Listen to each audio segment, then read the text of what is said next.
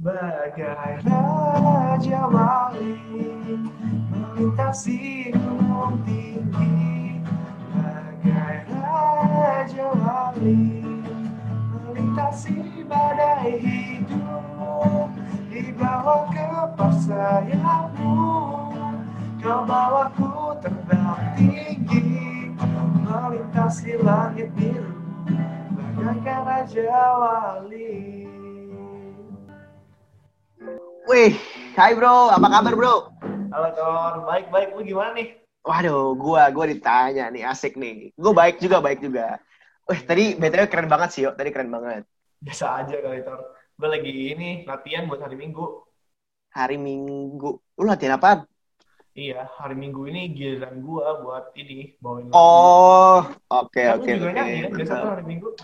Ya, nggak begitu lah. Tapi pakai gendang biasa ya. Gendang. Keren ya, dan tradisional- tradisional. Betul banget. Iya. Oh, tapi lu mulai main musik-musik ini sejak kapan sih, yuk?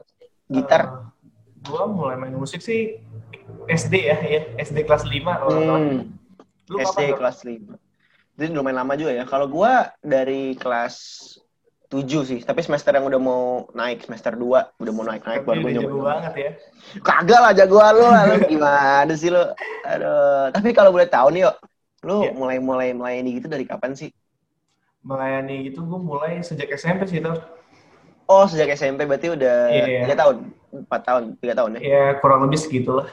Segitu ya kurang lebih ya. Iya. Nah, tapi selain melayani jadi pemusik, lu ada gak sih pelayanan lain yang lu lakuin gitu? Eh, tar dulu, tar dulu, sebelum lanjut. Welcome to Teen Talk.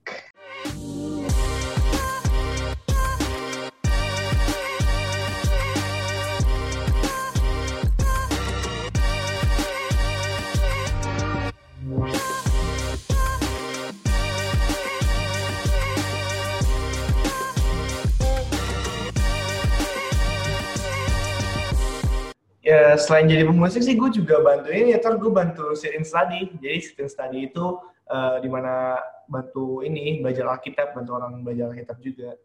Wah, mantep. Gitu ya. Awesome banget, awesome banget. Nah, tapi kalau boleh tahu, eh ini gue tanya lagi nih ya. Iya, santai santai. Lu melayani juga gak sih kayak di rumah atau di sekolah gitu-gitu? Di sekolah ya. Di sekolah sih sebenarnya gue nggak terlalu melayani gimana banget ya. Cuma gue sekedar ikut serta aja dalam osis dan kalau di rumah tuh gue bantunya tuh melayaninya kayak gue bantuin orang tua gue kadang. Terus gue juga uh, bantuin kakak adik gue kalau lagi mereka butuh bantuan juga. Ya gitulah. Oh, alah gitu. Tapi dari tadi yang lu ceritain tadi ya, eh, ternyata banyak juga ya yang lu halamin dalam melayani gitu. Kayak tadi di sekolah lu eh, sit up, eh sit up, sit up mau olahraga, bos. boy. Sit in, Iya. bos ya. Sit in, sit in, sit in study ya namanya ya. Hmm. Terus di sekolah lu ada OSIS, terus di rumah lu bantu-bantu juga. Eh, lu pernah gak sih ngerasa kayak eh, capek gitu dalam hal melayani? capek gimana banget sih enggak ya Oh, capek gimana banget? Enggak berarti ya? iya capek-capek kalau misalnya gimana gimana gimana? sampai, kayak stres jenuh gitu sih enggak Oh enggak, iya. Tapi kalau misalnya gue jadi lu nih, Yo, ya. Kayak lu Mhm. surfing sana sini, ke mana kemini gitu kan. Itu gue sih pasti udah capek, terus ngeluh-ngeluh sih pasti. Iya. Sebenarnya kan rasa capek itu ya pasti ada lah ya, Tor. Ya, Maksudnya kan kita Hmm. juga keluarin tenaga kita. Cuma kalau kita bisa lakuin hal ini dengan enjoy, ya rasa capek itu bakal hilang sendiri. Cuma di luar itu, gue juga punya kekurangan, yaitu gue tuh orang susah banget buat keluar dari comfort zone gue. Oh alah, lu ternyata orangnya susah keluar dari comfort zone lu, bro. Iya ya. Sebenarnya yang membuat gue susah keluar dari comfort zone gue juga karena ada fear zone gue tuh yang kayak gue malu lah, takut dijudge Hmm. orang, nanti gue insecure, mau kelihatan bagus, ya gitu-gitulah. Walah, berarti lu apa ya, dulu tuh kayak cuma mikirin diri sendiri dan lain-lain gitu ya. Iya, bener banget, Nah. Gue juga Tapi dulu mikir gimana diri gimana? sendiri Dulu gimana? Iya, dulu gue cuma mikirin diri gue doang, kayak lakuin hal yang menguntungkan buat diri gue aja. Ya karena kesombongan gue sih, Heeh. yang mau kelihatan bagus, dan jadi cuma mikirin hal yang kelihatan bagus doang, yang menguntungkan buat diri gue aja, gitu. Heeh, tapi kalau dengan cerita lo kayak gitu, lu kenapa bisa mutusin buat surfing? Bahkan yang kerennya lagi nih, lu surfingnya sampai sekarang. Eh, awalnya yang gue lakuin itu karena uh, gue rasa gue udah ambil keputusan aja sih. Jadi kayak belum dengan segenap hati. Gue pikir kalau gue udah ambil keputusan ya gue harus jalanin, gue harus terusin sampai selesai gitu loh. Karena sekedar tanggung jawab yang perlu gue jalan aja. Tapi akibatnya gue rasa kayak mainan ini cuma gue lakuin sekedar rutinitas doang, nggak membuat gue uh, enjoy, nggak membuat gue bertumbuh. Tapi, jadi gue lupa apa artinya surfing sebenarnya. Uh, gitu, lu jadi gitu ya. Nah, tapi bentar gini nih, sebelum lanjutnya, gue penasaran nih, kayak what does serving mean to you gitu loh kayak kalau bahasa Indonesia aja gitu ya Asik. apa kabar Indonesia enggak lah gitu menurut lu apa sih arti serving buat lu ya jadi kalau menurut gue ya serving itu kayak kita bisa memberikan segenap hati kita, jiwa kita, oh. dan kekuatan ya maksudnya, dan segenap pikiran kita untuk Tuhan dalam segala hal apa pun dalam hidup kita untuk Tuhan. Hmm, jadi menurut lu serving itu adalah memberikan segenap hati, jiwa, kekuatan dan pikiran untuk Tuhan hmm. gitu ya. Yeah. Nah, tapi apa sih yang buat lu tuh sadar gitu bahwa lu harus lakuin ini dengan segenap hati untuk Tuhan? Ya, gue diingetin lagi sih lewat satu ayat ya dari Kolose 3 ayat 23.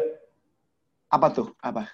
Ya, gue diingetin lagi kalau gue harus ngelakuin, ngelakuin segala sesuatu itu dengan segenap hati dan untuk Tuhan dan bukan untuk manusia. Hmm. Setelah itu ya mulai dah cara pikir gue, cara pandang gue yang dulu tuh diubahkan.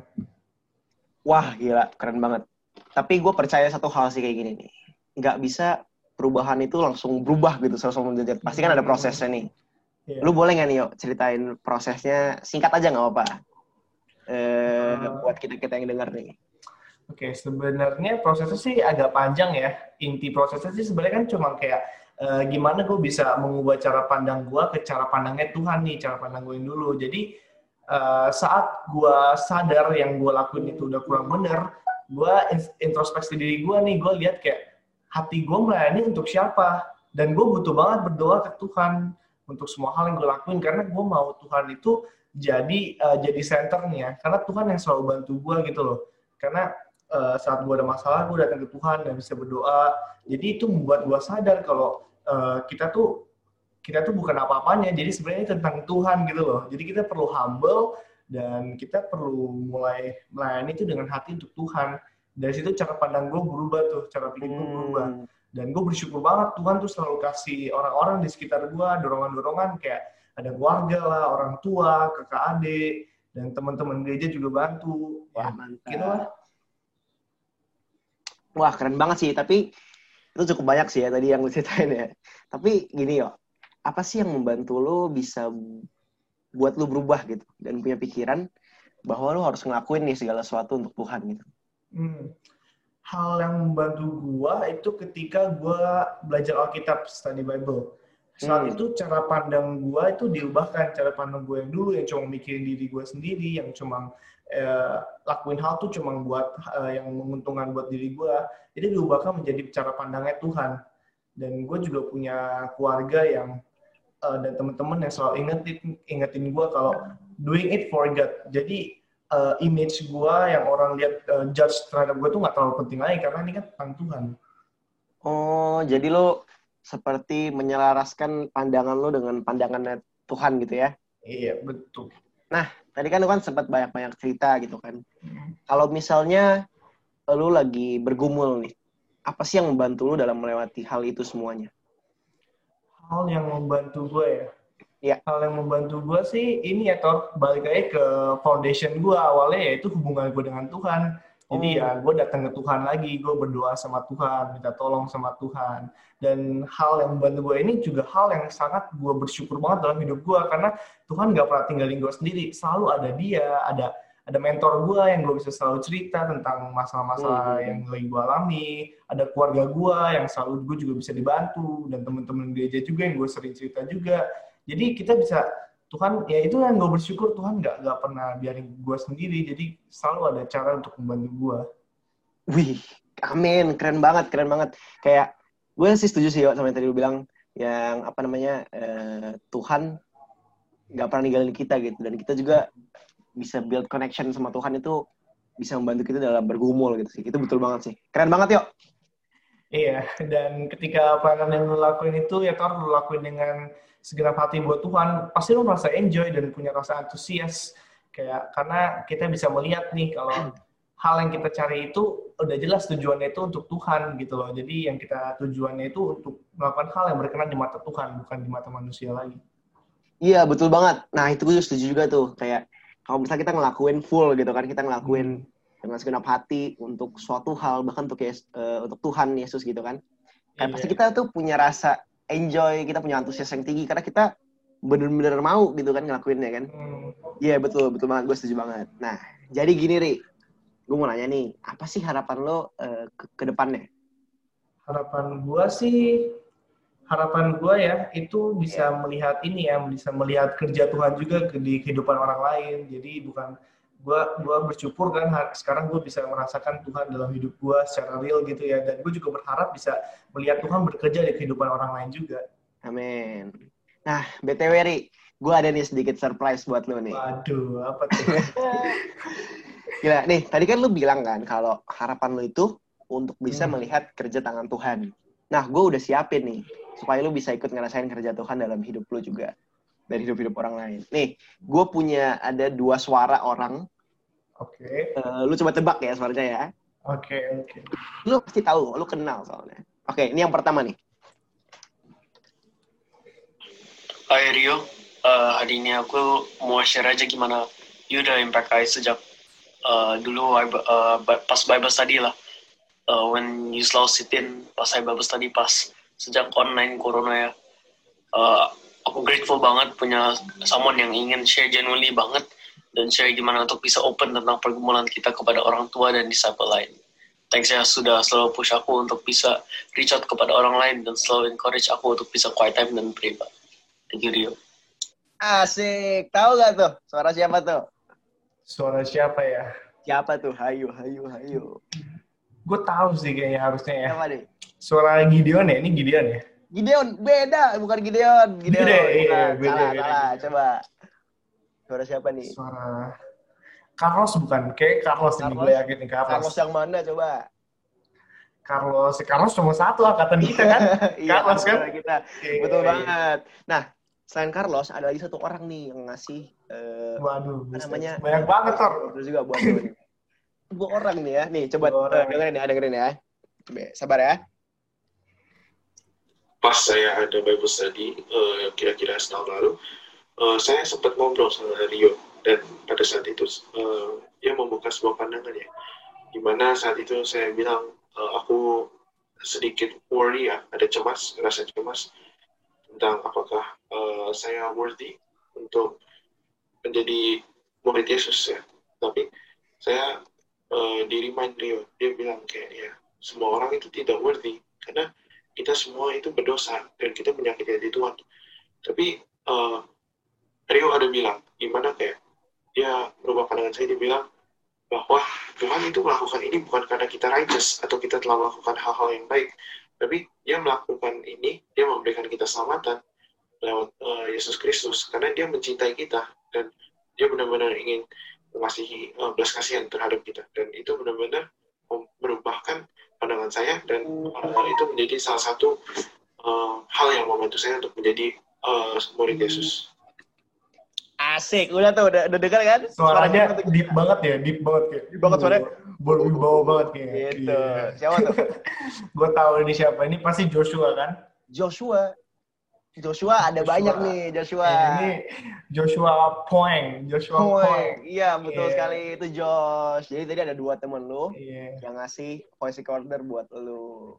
Ya gue gue bersyukur banget sih bisa maksudnya Amin. ya bisa melihat Tuhan bekerja juga dalam kehidupan teman-teman gue. Wah, gila ini keren banget sih. Ini mantap banget. Gila. Thank you yo udah mau bagi cerita-cerita yang siap, siap. bisa menginspirasi banyak orang. Nah, gue mau share nih yo apa yang gue belajar nih. Boleh ya? Hmm. Boleh dong, boleh. Oke. okay. Yang gue belajar tuh adalah bagaimana kita bisa mengenal dulu siapa yang kita ingin layani, yaitu Tuhan. Dan setelah kita mengenal Tuhan, kita serve Tuhan dengan segenap hati, kekuatan, pikiran, jiwa kita untuk dia. Dengan itu kita bisa enjoy pelayanan kita dalam Tuhan. Thank you, bro. Iya, sama-sama, Tor. Yo, jadi buat semua yang dengar, Thank you semua udah bisa dengerin dari awal sampai akhir. Thank you juga udah uh, bisa dengerin bareng-bareng semoga kita bisa belajar banyak hal dari podcast hari ini. Thank you guys. See you on the next video. Hai semuanya. Thank you guys for watching. Jangan lupa balik kalian lagi dengerin di Spotify untuk follow podcast kita at Teenstalk biar kalian lebih update lagi. Dan juga buat kalian yang nonton dari YouTube, jangan lupa untuk subscribe, comment, like, dan share ke semua teman-teman super kalian. Nah, buat kalian yang mau ngasih pendapat atau saran, langsung aja DM kita di @superdins.id di Instagram. Atau kalau kalian pengen lewat email kami, kalian bisa kontak kami lewat gkdi at gmail.com. Gua Tori. Gue Kinaru. Peace out.